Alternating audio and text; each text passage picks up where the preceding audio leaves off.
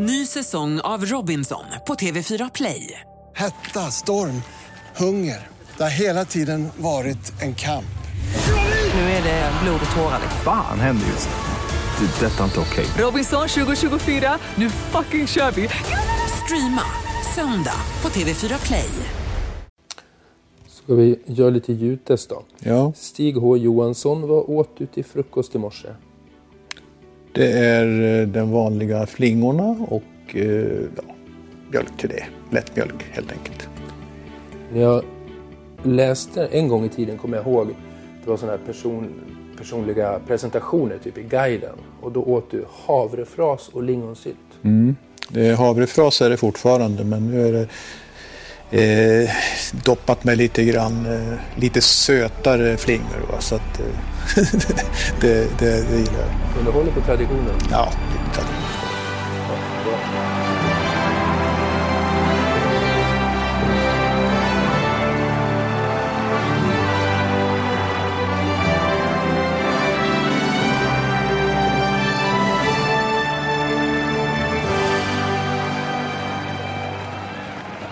Travtränare Stig H Johansson är en av Sveriges och världens mest meriterade travtränare och kuskar. Bland meriterna finns sex segrar i Elitloppet, sju i Svenskt travderby och fem i Svenskt travkriterium.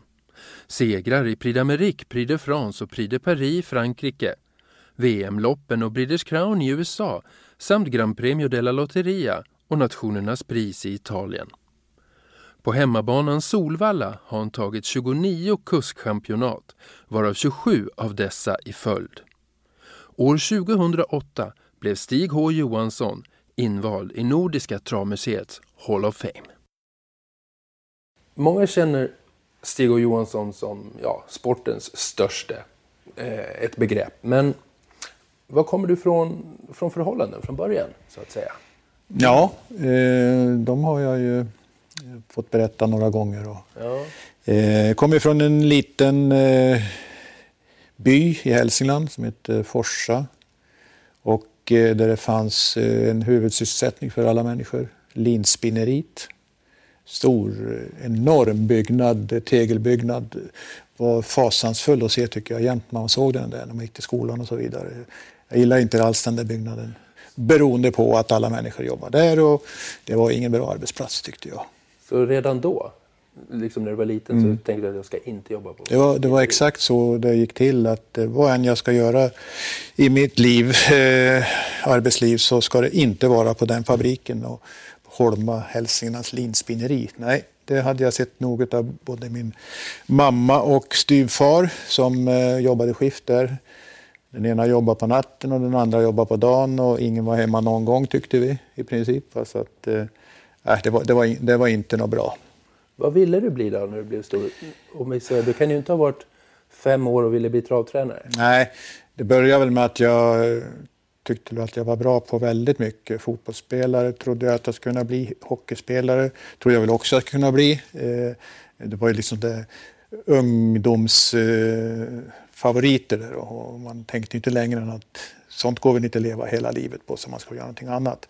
Men eh, hur som helst så blev jag väl rätt snart varse att eh, inget av de här idrottsbitarna passade mig. Jag passade mig, men, men ingen av ledarna tyckte att det passade mig speciellt bra. Så det, det gav jag väl upp rätt så snabbt. Hur kom, hur kom hästarna in i ditt liv? Hästarna kom in eh, tidigare i mitt liv, alltså vid eh, sju, åtta års ålder när jag tillbringade somrarna hos min morfar. Eh, en par mil ifrån eh, Forsa där jag bodde. Eh, och hela sommarloven var jag där när jag gick i skolan också. Och där fick man då lära sig känna hästar, eh, jordbruket. Vi körde hö och fick väldiga åtaganden för den åldern kan man säga. Köra stora hölass med i och för sig snälla hästar men det var, det var, det var, jag fattar inte än idag hur man kunde ge småungar det, eh, den uppgiften. För det fanns ju risker med det. Att man, och det kördes ju i diket och det kördes i sken och det kördes si och så eh, från, från oss ungdomar. Då. Men, men ehm, det gick bra. Och det var då mitt första hästintresse. Och jag blev väldigt förälskad och förtjust i hästarna. Jag tyckte att de kunde jag prata med på, på ett vettigt sätt. Och jag tyckte att eh, jag hade visst handlag med dem. Jag trivdes med dem helt enkelt. En connection? Ja, jag kände, det kändes så att jag, jag, dels så tippade jag nog mindre hölass än eh, mina kamrater gjorde. Hur många har du tippat? Nej, jag har inte tippat något faktiskt. Det, det, det, det är sällsynt. Va? Men, men eh, det, det, tog jag väl då som en lite kvitto på att jag kanske hade litet anlag för att uh, köra en häst till att börja med. Fast, ja, så var det. Jag tänkte då som uppvuxen i Forsa utanför eh, Hudiksvall då, i Hälsingland. Därifrån kommer bröderna Nordin, Uno Sved, ja, i trakten runt omkring där. Mm. Eh, du måste ändå ha tänkt på trav ganska tidigt eftersom det var stora namn som kom därifrån. Ja, intresset eh, kom ju faktiskt då en sommardag när Hagmyren öppnade, slog upp portarna. Så jag fick jag åka med de här bondgubbarna till travbanan. Och då var man ju rätt begeistrad och såld naturligtvis direkt. Så att det föddes väl rätta intresset för just travsporten då. Och sen eh, ja, utvecklades den ju i snabb takt kan jag säga. Eh, så fort jag slutade skolan så sökte jag mig till en hästägare som hade nordsvenska hästar då på den tiden eh, och eh, jobbade där ett tag. Var det så man, man tog kontakt då? Det fanns ju inte travskolor kanske som idag. Man ringde till travbanan mm. och sa, säger att liksom, mitt barn vill komma och lära sig köra ponny. Mm. Um, jag hade ju inga sådana där kontakter egentligen med travfolk då, utan det var ju, det var ju de här bönderna som hade eller, alltså arbetshästar som man fick börja med. Men sen annonserades det i Hudiksvalls tidning, eh, tror jag att det var, och eh, efter, efter någon stall eller hästskötare, stalldräng eller vad man kallades för då, va? I Bergsjö. Det är då några mil hemifrån oss. Så det var ju vidlyftigt när man var så ung. Jag hade precis slutat skolan och sådär. Så att, eh, men eh, eh, jag tog det jobbet i alla fall och eh, ja, Eh, där fanns en häst som hette Jäntungen som eh, jag väl inte visste riktigt då hur, hur väldigt bra hon hade varit. Va? För hon var redan färdigtävlad då. Men sen har ju blivit eh, i aveln också ett, ett riktmärke för många. Ja, det är Järvsö fackstammen. Ja, det är det. Hon är väl stammoder till den linjen kan man säga. Jag började väl hos Holger Skoglund. I, ja, först var jag hos lite amatörtränare på Hagmyren och åkte runt och, och jobbade lite grann. Men, men sen var det Holger Skoglund. Eh, och där var jag då, ah, inte så väldigt länge, kanske ett år ungefär. Eh, ja, då var jag ju väldigt färsk också och eh, då var han eh, champion på Bergsåker. Och då fick man lära sig också att eh, det är ett stressigt arbete att vara travtränare och tävla om eh, ligatiteln. Eh, och jag kommer ihåg då vid ett tillfälle när eh, jag var relativt färsk där då, kunde ju ingenting om utsedlingsdetaljer. och sånt där men, men eh, var väldigt blyg och vågade ju inte fråga om det ställdes någonting på sin spets att jag skulle hämta någonting eller sådär. Och då, då ehm, kom han in efter ett lopp och så skulle han ut med nästa och då skulle han raskt ha en martingall som ett hjälpmedel då för tömmarna. Och så bad han mig gå och hämta det, eller bad inte, spring och hämta eh, en martingalpojk. Eh, och då var jag ju så som sagt var inte smart nog att fråga eller säga att jag kan, jag vet inte vad det är, du måste visa mig. Utan jag kom fram med någonting annat som inte var en martingall. Och då, då så, i den tävlingsnerv han var uppe i då och championat och alltihop stod och vägde sig här. Va, så så fick jag väl reda på att han tyckte att han skulle ha betalt för mig, inte betala mig. det, det, det, var ju ett tufft slag för mig, men, men jag lät mig väl inte nedslås av det i alla fall. Utan vi blev, vi blev eh, efter många, många herrans år när jag då hade etablerat mig själv som tränare, väldigt goda vänner och han åkte och hälsade på mig många tävlingsdagar på Solvalla och, och eh, det, det var han, han, var glad i att han hade haft mig i stallet en period då naturligtvis när det gick riktigt bra för mig. Lärde du dig någonting av den incidenten? Eh, inte mer än, och det var rätt så värdefull eh, lärdom också, va? att eh, det, är, det är stressigt alltså. Är, man, man, är på en hög tävlingsnivå och man ska prestera hela tiden och det är mycket krav, krav på en från hästägare, publik och journalister och allt vad det nu är. Va? Eh, så att, eh, det har jag väl tänkt på många gånger när man själv har eh, inte tappat humöret kanske, men varit snäsig mot journalister och kanske till och med bett någon hästägare att ta sin häst och flytta någon annanstans. Och så där. Eh, jag har tänkt på det de gångerna att eh, så här var det Holger Skoglund var i den, i den dimensionen var han då när han eh, var dum mot mig. Va? Så att, därför har jag väl lärt mig en del av det att kanske man ska coola ner lite grann och eh, tänka till en, ett varv till innan man blir, hetsar upp sig och så vidare.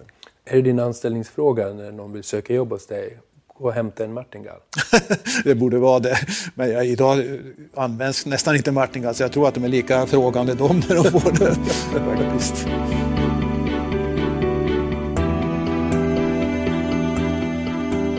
Den här känslan som du hade haft med, med hästarna när du körde hö, hur fortsatte den med travet sen? Fick du liksom en känsla för det här med gången på hästen, hur man balanserar, boots, tunga skor, det är ju ganska mycket att, att lära sig. Mm. Det tar tid att lära sig där. Eh, och i de, i de här första eh, Holger Skoglund till exempel så hade man inte så mycket att lära sig där utan det var mer att man skulle motionera hästarna, man skulle göra rent åt dem, man skulle hålla hästarna rena. Just det där med att eh, Självfallet var jag nyfiken och såg vad som ändrades från gång till annan på en tävlingshäst som inte hade fungerat till exempel. Då gjorde man någon, någon åtgärd och det, det lärde man sig av också naturligtvis. Men, men eh, det var väl eh, först senare när jag, när jag fick ett jobb där jag var huvudansvarig för ett antal hästar, också i unga år. Då fick man ju faktiskt verkligen prova sig fram.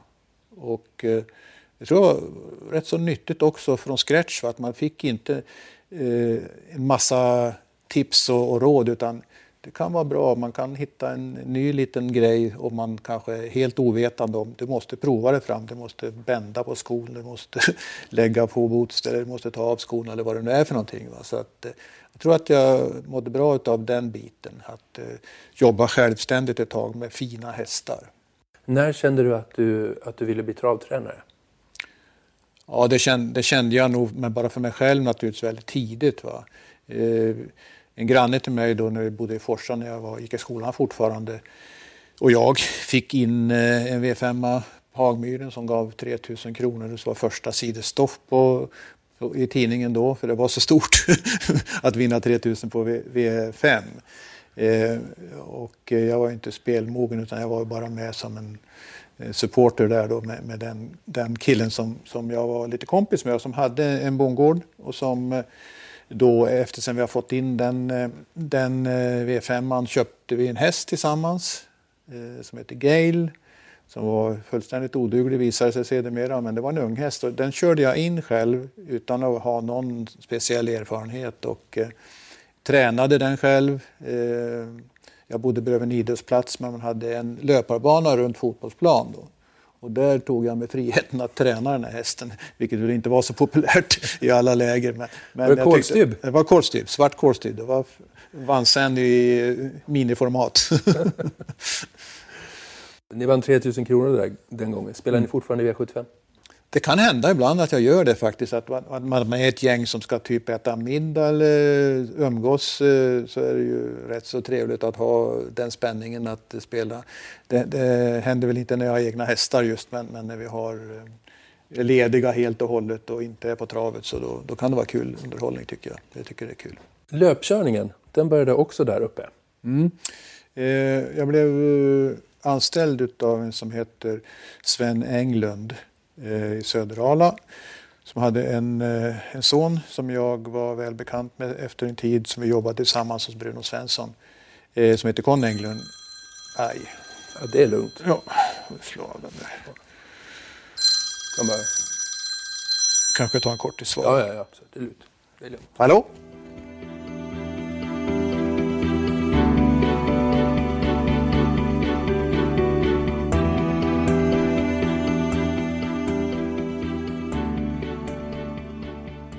Okej, okay, tack hej. Jag hör ju direkt när de drar igång sin... Det, det är nästan som ett inspelat eh, samtal. Va? De bara rullar på sig. Då får man dra åt sig öronen lite grann. Ja, var slutar vi någonstans med Conny Englund där och de här bitarna? Ja, vi, sa, vi pratade om eh, du hade tänkt börja köra lopp. Conny Englund och jag jobbade tillsammans hos tränare Bruno Svensson på Hagmyren då. Eh, där lärde vi känna varandra och han eh, skulle in i lumpen Eh, Conny Englund och jag eh, och han var då då hade han redan flyttat hem till sin eh, pappa och de hade bra tävlingshästar, riktigt bra tävlingshästar. Så då när han skulle vara borta nästan ett år så frågade han om jag ville ta hand om hästeriet där och träna och köra dem. Så det var, det var min första bit i riktig tävlingsverksamhet. Då. Och det var fantastiskt. De hade bra hästar som sagt var och jag fick styra och ställa som jag ville och det gick väldigt bra. De, de vann eh, lopp i, i, ofta, ofta, eh, de här hästarna. Beroende på att de var bra naturligtvis. Men för mig var det ju en riktigt bra start på livet och eh, travlivet och yrkesvalet. Att eh, få ett kvitto på att man att man åtminstone inte var oduglig utan att man hade en möjlighet att eh, med den lilla rutin jag hade ändå lyckas så bra. Det, det, visste jag ju i och för sig också att jag hade väldigt bra hästar att köra med men ändå. De, jag skötte dem ett år och eh, jag, jag, tränade och managerade det så, och de blev inte sämre av det. Så det var ju naturligtvis en, en, en bra eh, självförtroendehöjare för mig. Absolut. När blev du, när blev du egen tränare så att säga? Jag blev egen tränare, ska vi se här, 68 slutade jag hos Stig Engberg. Och eh, fick eh, licens då. Nej, det fick jag inte första året. Det var mitt i sommaren, årsskiftet skulle man söka. Så jag ringde Stig Eriksson och frågade, han var sekreterare på Solvalla, Eh, hur jag skulle bete mig. För att eh, när jag hade bestämt mig så var jag så, ja, då, då fanns det bara en, en, väg och det var rakt fram till att bli egen. Va? Eh, då sa han att eh, då får du skaffa någon eh, som kan stå för dina hästar det halvåret tills du får licensen vid årsskiftet. Och då pratade jag med Olle Andersson då, som jag kände lite grann, väldigt lite, men han, han var ju sympatisk och lite antal hästar hade han själv och sådär. Så att det, det, kunde bli en bra grej. Och då, ja, då var det så. Då, då flyttade jag till Mälsåker eh, som var min första station då, som egen tränare. Helt egen tränare utan något stöd, eh, bara liksom två hästar, tre hästar kanske jag hade från början. Och, så då föll det såklart naturligt att det blev Solvalla? Ja, det blev Solvalla. Vi tillhörde, så Stig Engberg var ju tränaren då. Han, han eh, hade ju då licensen på Solvalla. Och då jobbade jag där ett bra tag. Eh, jag tror att jag jobbade ett år ungefär innan jag bröt mig ut, kanske lite styvt till och med. Han hade bra hästar, bra hästägare. Och eh, jag fick köra lite hästar eh, och det gick bra. Ehm, sen vart det, vart det lite knepigt när, när eh, det kom hästägare till Stig då och, och, och tyckte att Eh, de ville att jag skulle köra istället för honom. Och det förstår jag honom också. Att det är klart att det var lite tufft för honom. Eh, och då var han lite onödigt hård tyckte jag. Att han brydde sig inte i det när de bad om att jag skulle få köra. Utan han, eh, han, ja, han, han, vill, han ville köra själv helt enkelt. Och ibland satte han upp mig i lärlingslopp och sådär naturligtvis. Va? Men, men det var ägare också som då ville att jag skulle köra de vanliga loppen. Och, det gick väl så långt som att eh, en del då eh, ja, sa helt enkelt att får inte Lillstig, som jag kallades då, köra, då eh, är det möjligt att vi flyttar hästarna till en annan tränare. Och när jag började på märka att det försvann häst efter häst och bra häst dessutom, en del då beroende på det här eh, problemet som jag pratar om nu, Eh, då tänkte jag att nej, nu, nu vill jag försöka att komma härifrån innan det, verksamheten går ner sig mer. Va? Och eh, eh, skaffa mig lite egna hästar. Jag hade ju då kunder som också eh, pushade på mig och tyckte att eh, det är klart det ska du göra. Du, du är inte så gammal men du klarar det här själv nu så att gör det. Och det var ju det som gjorde att jag vågade ta det steget också men det var ju naturligtvis eh, kvalificerad vansinne egentligen. För tre hästar och sen tog jag med mig en av mina kompisar där från Stig också eh, till Mälsåker. Då var vi två skötare, två arbetare på tre hästar. så ekonomi, eh, företagsamhet, det har jag väl inte varit min starka sida någon gång heller. Lärde mig lite grann av de misstagen i och för sig, va? men jag är fortfarande inte någon, någon bra på den biten heller. Jag tycker eh, det är roligast att träna och köra häst. Så det, jag tänkte bara, den positionen då Eh, som Lill-Stig var med Stor-Stig. Det kom Mm. någon till Stor-Stig och sa att eh, eh, ja, men vill att Lill-Stig ska köra våra hästar. Mm, Har du varit i samma situation sed, sedan i din karriär? Det har nog aldrig varit det under min karriär som, som kusk och tränare heller. Men nu får jag ju en, en annan situation när jag väljer kuskar då själv, som inte är jag naturligtvis. Och, och där finns det ju vissa hästägare som har synpunkter på, på huvudkusken. Det finns alltid sådana som har synpunkter på alla kuskar, även om han är nästan den bästa som finns, tycker man väl då, eh, om man tittar på ligor och så vidare. Men, men eh, eh, det är inget större problem tycker jag, nej. Vad blev ditt genombrott som travtränare? Eh, ja, första milstolpen som jag kan komma ihåg det var väl när jag vann mitt första lopp då på Hagmyren med en häst som heter Sabrina som numera är EJs guldsko det loppet. Och det var ju storartat. Alltså, jag, tror vi hade, vi hade tre hästar med i loppet och de var väl tre, de tre var favoriter men inte i den ordningen så att Sabrina hon var väl tredje rankad utav de här. Och så vann hon då och eh, ja, det var, det var, det var väl ett sorts genombrott att då syntes man ju i tidningarna och på sportsidorna och sådär för första gången på allvar. Var är vi då årsmässigt? 63. Genombrottet som, som tränare, när blev du ett namn så att säga, som tränare? Vil- Vilket Ja, betyder mest för din Det egen gick, rörelse? det gick väldigt fort får jag lov att säga. Jag fick in några, några skapliga hästar, eh, bland annat Big Elma då, i ett rätt tidigt skede Eh, som sedermera försvann lika snabbt som hon kom. Men, men ändå så var det ju en fjäder i hatten för mig som ung, orutinerad och eh, inte bevisat så mycket, ingenting som tränare, att få det förtroendet.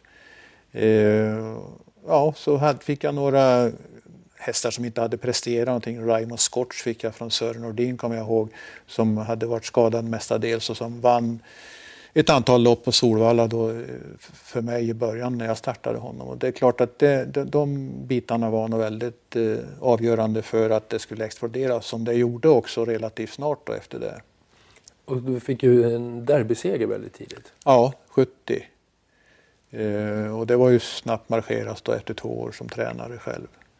Och så fick jag ju Sandemarhästarna eh, runt omkring den perioden och de hade ju satsat hårt då på eh, bättre uppfödning och, och bättre blod på hästarna och det, det är klart det var ju otroligt tacksamt att få det.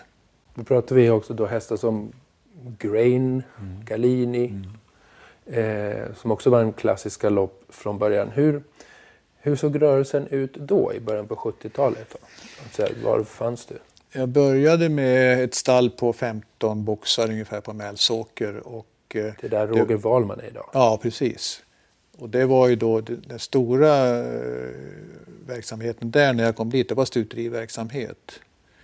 Eh, och eh, det tog inte lång tid förrän den lades ner och jag fick ta alla stallutrymmen och man byggde dessutom nya stallar. Så att det växte väldigt snabbt där. Och jag hade en kompis som skötte, skötte bokföring och sånt åt mig. Ja, han var inte professionell sån, men han hade viss eh, erfarenhet naturligtvis. Han fick eh, rita upp ritningarna för hur det skulle skötas, den där bokföringen och eh, skatter och så vidare. Och det fick jag ett bakslag som eh, naturligtvis eh, var kännbart. Och då fick man ju eh, en riktig knäpp på näsan när man inte hade skött de där bitarna ordentligt.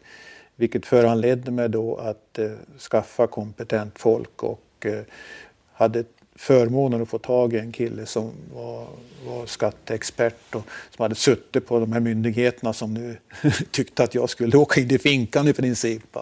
Också klart för mig att eh, sköt inte det där, lämna bort det där till folk som kan det och så håller på med hästarna som du förhoppningsvis kan bättre. Verksamheten växte, ska man säga, makalösa framgångar. Hur mycket hästar tränade du när du tränade som mest?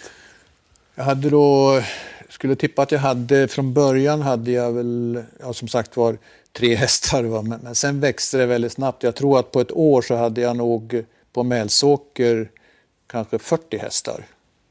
Mellan 35 och 40 hästar. Och det var ju oerhört snabbt och det, det, det, tog, det liksom kostade ju på också att skaffa sig personal och skaffa sig grejer. Eh, jag hade ingen ekonomi bakom mig liksom, men fick hjälp utav, utav eh, goda vänner och sådana som, eh, som eh, hjälpte mig hela tiden. Då där. Så det funkade och, och då började vi på köra in pengar och tjäna pengar så då, då gjorde det sig själv lite grann också. Uh, och sen hade jag då häst på Sandemar, uh, deras egna hästar till att börja med. Sen så utökade det, vart ju så trångt i boxarna överallt i princip så att han byggde uh, nya boxar åt mig som jag fick använda till an andra hästar utom byshästar så att säga också, vad som inte var deras hästar. Sen hade jag häst stationärt på Solvalla.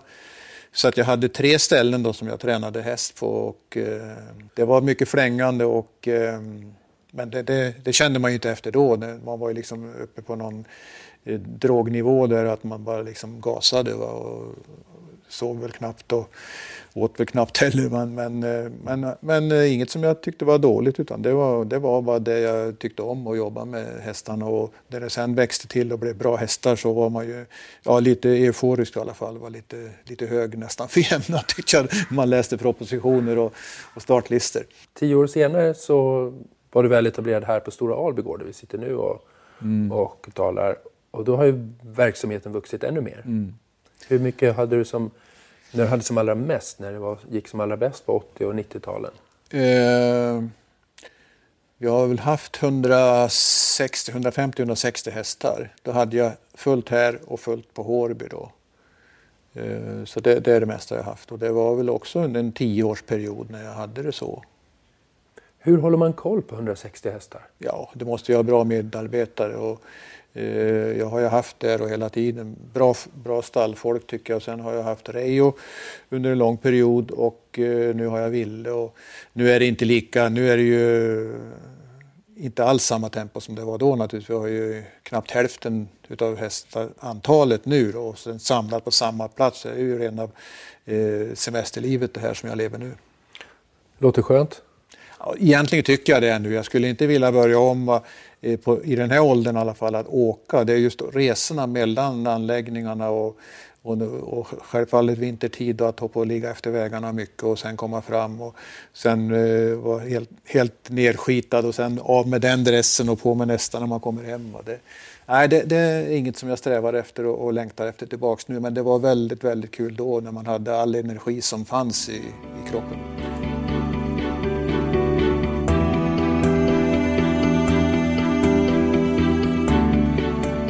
Pratat med många som har jobbat hos dig, eh, som var kollega till mig själv på Soal en gång till och sa att så fort du satte dig upp bakom en häst, du kommer inte ihåg så mycket om hästen innan, men när du hade satt, suttit och tagit tag i tömmarna mm. så kom du ihåg exakt hur hästen hade känt för fyra jobb sen, eh, vad den hade för bodspåse, vilken färg det var på grimman eller i loppet, mm. vilken balans den hade gått med. Mm. Gått med. Hur förklarar du det? Jo, eh, största förklaringen är väl att då, då var man ung och eh, det, man, man, hade bättre koll på saker och ting helt enkelt. Va? Eh, rent eh, mentalt. Så det, nu glömmer man ju bort saker och ting från och till va? med ålderns rätt. Och, eh, men, men jag har fortfarande en rätt så bra koll på, på de hästar som jag har i träning. Jag, jag känner ju från jobb till annat eh, om det har hänt någonting, om det är något som, som har eh, blivit sämre eller bättre. Så det, så det, det, det har jag håll, bra koll på fortfarande, men inte så i detalj som jag hade då. Och det var väl tur att jag hade den, eh, den eh, eh, ja, förmånen att kunna känna till sådana saker för att eh, då var det som sagt var mycket, mycket, mycket häst att, att hålla reda på. Idag så är ju sporten lite mer accepterad kanske som sport mm. än när du stod som allra bäst. Mm. Folk ser Björn Goop och Örjan Kihlström lite mer som idrottsmän. Fick du den mediala eh, erkännandet som du kanske skulle haft som idrottsman? Vad känner du?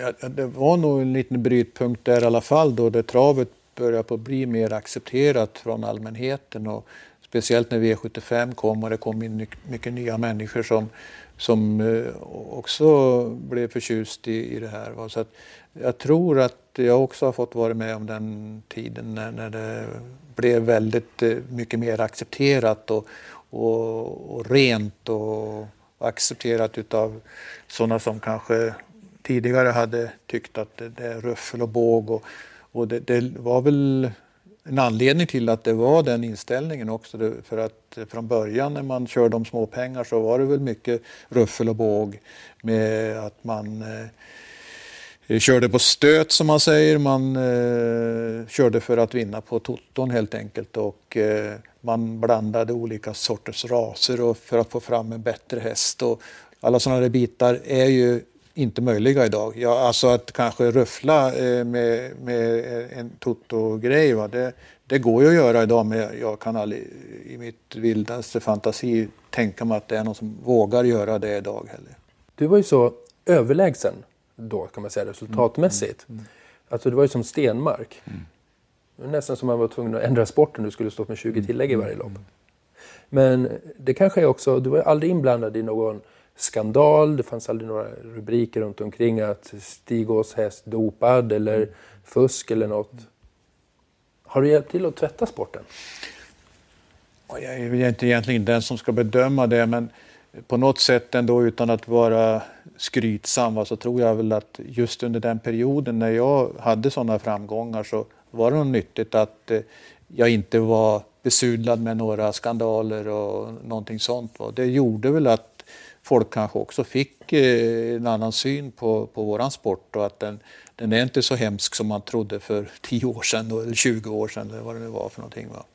Du kanske skulle haft en konkurrent som var lika bra så att det hade blivit lite mer match? Ja, det, det är möjligt men att ja. ja jag är oerhört stolt själv över att vinna 29 championat på Solvalla. Det, det, det, tycker jag, det förstår jag inte riktigt själv hur, hur det kunde gå till. Eller, det, det, har, det har trillat ner nu. ja, ja, precis. precis. Då, då hade man inte tid att tänka på det när man höll på att jaga de där championaten heller.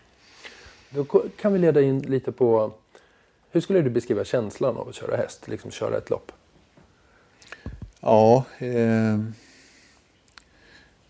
jag, jag, tycker att om, en, en bra, en fin häst eh, som jag har haft väldigt, väldigt många av, det, det är ju egentligen höjdpunkten i mitt liv. Att, att få köra en fin häst som, är, som gör som man vill, eh, svara på signaler från, från mig, kusken i det här fallet. Och, och som är kapabel framför allt att kunna göra eh, topplopp gång efter annan. Va? Det, ja, det, det känns ju som att det är höjdpunkten i, inte kanske i hela livet, men i alla fall stor del av mitt liv att få, få den känslan. Och den, den får man ju inte nu längre när man inte kör lopp, men jag får den ändå på ett visst sätt när jag tränar hästar också. Det, det dyker upp sådana tillfällen när man får in en häst, inte så ofta nu längre, men när man tänker oj, då ser man ju alla de här vinsterna framför sig och lagerkransar och alltihop det där. Och det, ja, det, det det är det, det är det som är drivfjädern lite grann också i verksamheten. Man, drömmer, så man, man fortsätter drömma fast man har nått varje dröm? Ja, jag tycker att tappar man den gnistan om att liksom inte, det spelar ingen roll om man är tre eller fyra, sådär, va? Men, men det tror jag att alla, alla som har hållit på ett bra tag också, att man, den, den försvinner inte. Det tror inte jag i alla fall. Då, då tror jag inte att man håller på längre om man har tappat bort den heller. Jag satt i en diskussion häromdagen med en med en kollega och vi pratade om bra kuskar. Och eh, han var av den teorin att det finns två typer av bra kuskar. Det är de kuskarna som är bra kuskar som får hästen att göra de här extra mm. sakerna. Mm. Till exempel ja, kanske Toresen, Basir, mm. det här extra. Och sen finns det kuskarna som är bra kuskar för de kan köra lopp. Mm. Och han sa att en bästa kusken vi har haft, det är Stig och Johansson. Mm. Bara för att han kunde köra lopp. Han kunde se loppet. Eh, alla hästarna på plats i loppet. Vem är var, vem är var, vem är var. Jag sa att det var för att han var bäst att träna. Du kunde köra upp i döden och bestämma. Mm. Men just den här skillnaden på att köra lopp och att köra häst. Ja, det, det är viss skillnad. Va? Men, men man ska ju allra helst ha lite grann av båda delarna. Att man både kan köra häst.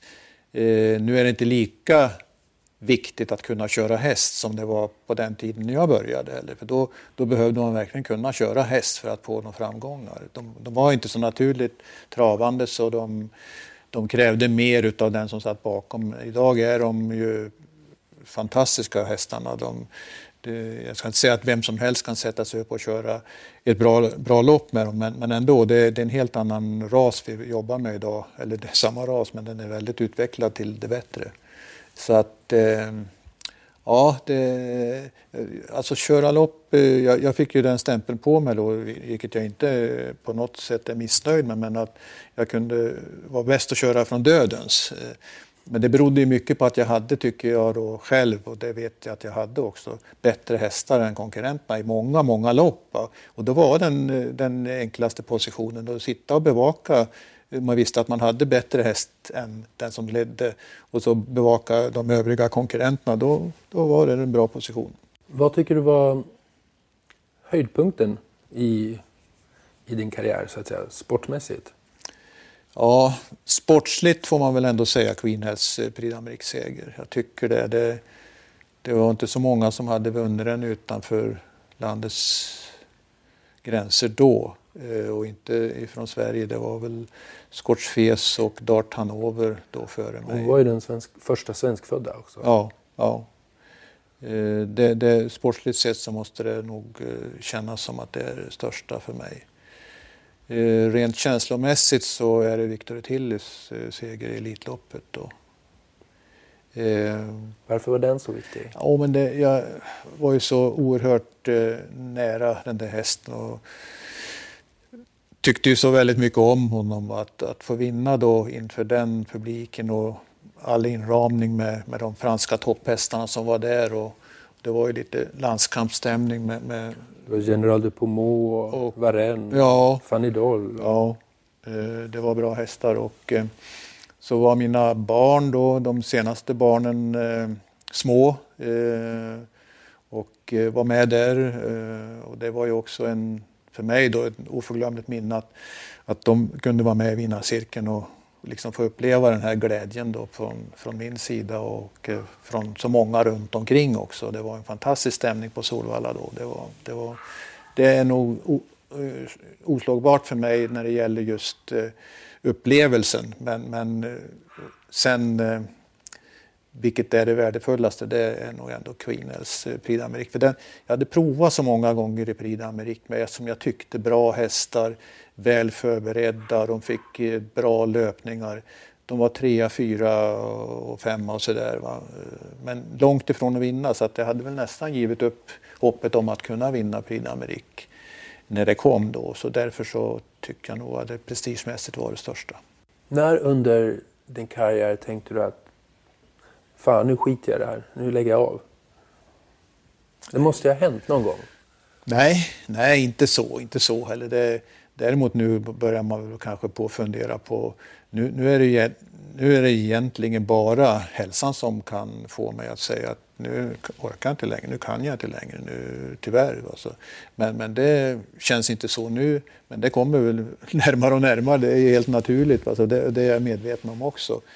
Men, men, att eh, jag skulle ha gått på några sådana bakslag så att jag skulle tyckt då att skit jag det här, va? nej, det har inte funnits i min tanke överhuvudtaget någon gång.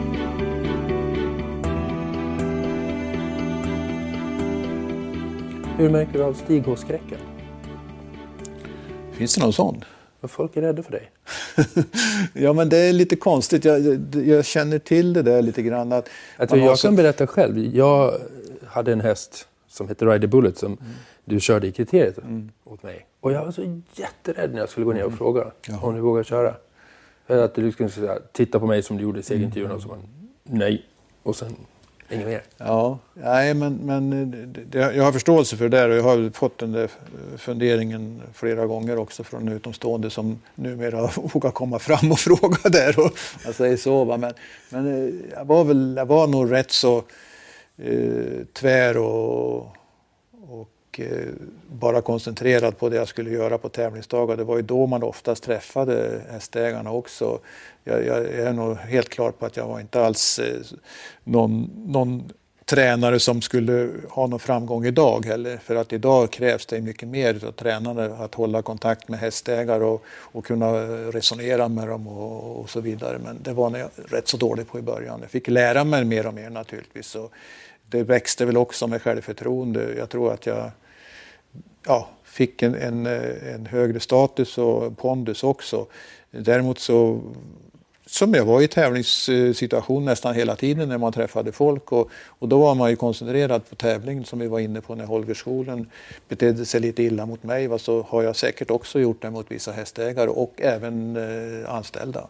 Fast ja, inte så farligt längre men, men förr i tiden så var det mer av den varan. När man såg dig i segerintervjuer då, så, eh, man tänker när man själv var liten och, och, eh, och, växte upp och ville jobba med trav och sånt, så då var det ju korta svar. Ja, mm. mm. nej. Solglasögonen var på. Mm. Och det var liksom stenhård. Mm. Och sen när jag själv började jobba som, med, som reporter inom travsändningar och så här. Så upptäckte man, för att jag själv ville ju vara som du mm. då. Mm. Hur alla som jag skulle intervjua hade också velat vara som du. Så att du blev en linjebildare för en hel liksom, mellangeneration av travtränare som jättegärna helst inte ville säga någonting, inte ta av sig glasögonen och, och inget sånt. Menar du att det var så? Alltså? Ja, alltså det...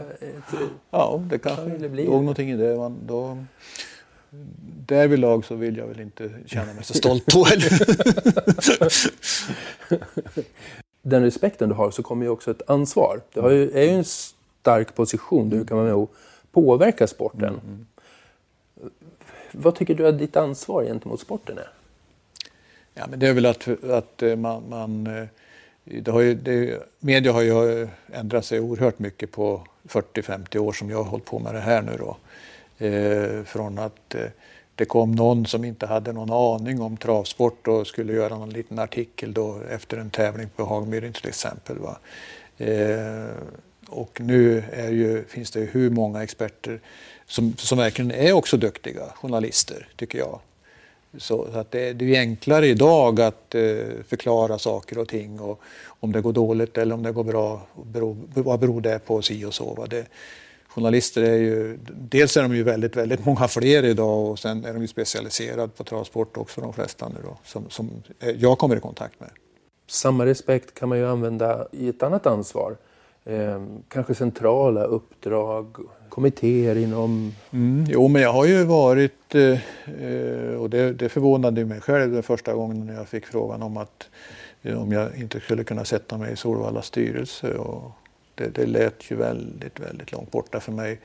Dels så tyckte jag inte att jag hade den kompetensen att sitta i en styrelse och och, de ekonomiska? Nej, nej, ja, precis. Nej, det skulle jag ju aldrig kunna lägga mig i naturligtvis. Men man kunde ju ha annat att tillföra, kom jag väl på då sen då, eh, vad det gäller rena tävlingsbitar och, och så, planeringar och sånt på den biten. Så att eh, jag, jag, jag satt där ett antal år och, och tyckte väl att jag själv utvecklades av den biten också. Att eh, få sitta och lyssna och kanske ibland komma med någon, någon, någon hygglig synpunkt också. Så att, eh, det stärkte mitt självförtroende. Det, det har ju varit en, en vad det gäller sådana bitar, eh, umgås med, med människor och eh, eh, framträda i, i någon sorts roll. Va? Det, det, har ju varit min svaga sida alltid egentligen. Fast det har jag fått övat upp naturligtvis.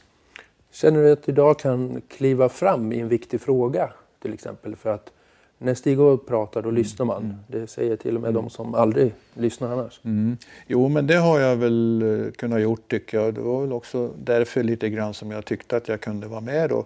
Till att börja med att lära mig lite grann styrelsens eh, funktion och eh, hur man kunde påverka och så vidare. Så att det var en nyttig period också för mig att vara där. Sen har jag varit tränarnas ordförande under ett antal år på Solvalla också. Så att Eh, det, det skulle jag ha sagt det för 40 eh, år sedan innan det här hände så hade det inte funnits en chans att jag har trott att jag skulle hamna i någon sån position någon gång överhuvudtaget. Känner du att du har makt? Nej, det tycker jag inte. Jag, jag, har, jag har inget behov av det heller men, eh, jag, jag har på ett eh, kanske lite bättre sätt framfört mina synpunkter än vad jag eh, framförallt inte gjorde någon gång i, början av min karriär. Jag var liksom lite för blyg för det och var rädd för att jag skulle komma med några konstiga eh, idéer eh, som inte var accepterade och därmed kanske jag skulle tryckas ner och den där dåren eller sådär. Men eh, självförtroendet växte i och med att jag kanske hade några synpunkter som accepterades och till och med kanske tycktes vara okej. Okay, så att, eh, det, det är väl så, man måste ju ta lite, lite risker om man ska utvecklas från att vara en, en murvel som inte säger någonting i princip. Varje år så eh, delar du ut stipendier. Vad tycker du är det viktigaste som du kan lära ut till dem som kommer att få vara med dig och som får de här stipendierna? Det hänger ju med en hel del bitar med det här stipendiet. De får eh, möjligheter att eh, gå vissa, vara med på vissa övningar på eh, SLU till exempel, Veterinärhögskolan, så så har vi en samling varje år för alla gamla stipendiater. Alla är välkomna att komma dit. Och det, även om man eh, har varit tränare i 30 år, en del av dem, så, så kan det vara intressant att komma dit och få nya rön och så vidare. Så det tycker jag är en viktig bit. Och sen just det här med att de kommer hit, eh, de har inte mycket att lära, men, men eh, lite grann kan jag ju då som erfaren eh, berätta för de här ungdomarna att eh, gör så här, gör inte så där som jag gjorde när jag började och så vidare. Med, apropå ekonomi och så vidare. Va? Ta, ha ordning på grejerna när ni börjar så slipper ni de problemen som kan störa hela verksamheten. Så att, eh, jag tycker det är intressant också. Och det är ju hela tiden trevliga ungdomar och, och de, lite variation på det men många har ju väldigt höga mål och målsättningar naturligtvis. Lär de dig någonting någon gång? Jag tycker det. Jag tycker det är kul att fråga. Hur, hur jobbar ni? Och, och hur eh, tänker du i framtiden och sådär? Då, då, ja, de har mycket idéer och de, de, är, de, har ju mycket förmåner idag med de här utbildningarna som finns innan de får bli tränare. Då. Det, hade du velat haft mediaträning? Ja, ja, absolut. Det var det mest jag har behövt också. Men, men eh, det, det vart ju en utdragen mediaträning då som, som jag bromsade mest hela tiden. Få ihop någonting utav det. Ja, absolut. Vad, vad har någon sagt till dig i din karriär som, som du vill föra vidare till andra? Jag, jag hade ju en eh, som har betytt väldigt mycket för mig, Lars-Erik Ullberg, min veterinär då. Som, eh, som pushade mig hela tiden som eh, uppmuntrade mig från första början. Jag träffade honom på Mälsåker, han var stuteriveterinär då där, när jag var där som den här lilla tränaren med tre hästar i träning och en anställd. Och han var ju klok och erfaren i sin roll som veterinär. Och han har jag nog haft mest nytta av alla utomstående människor. Han, alltså- ja, han hade, han hade han, han dels så tyckte han väldigt mycket om mig och det bidrog ju till och han hade han har fortfarande naturligtvis två döttrar och han, jag tror att han också, han är bortgången nu och, och eh, så vidare. Men, men eh, han, eh, jag vart nog lite hans pojke tror jag. Jag tror det. Och han var väldigt mån om att allting skulle vara på rätt sida för min del och så vidare. Så att, och jag hade ingen, ingen riktig pappa förrän väldigt sent i livet. Så att, han blev min, eh, min eh, mentor och eh, rådgivare och alltihop. Och lite pappa också tycker jag. Är det viktigt för ungdomar att ha en mentor? Ja, jag tror att det är viktigt att ha en förståndig människa Eh, betydligt äldre då än när man börjar naturligtvis, som har eh, mycket erfarenhet och som ser eh, mycket annat än vad en ung nystartad tränare gör. Så att, ja, jag får nog säga att han betydde nog mest för mig.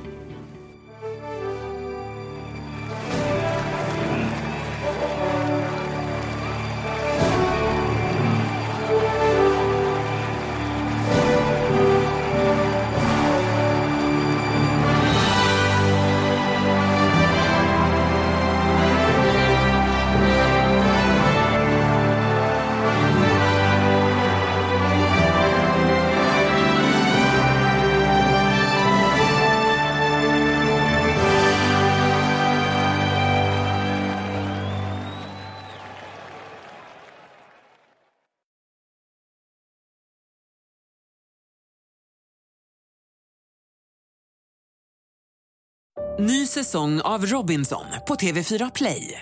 Hetta, storm, hunger. Det har hela tiden varit en kamp.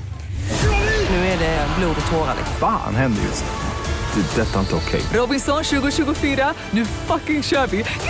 Streama söndag på TV4 Play.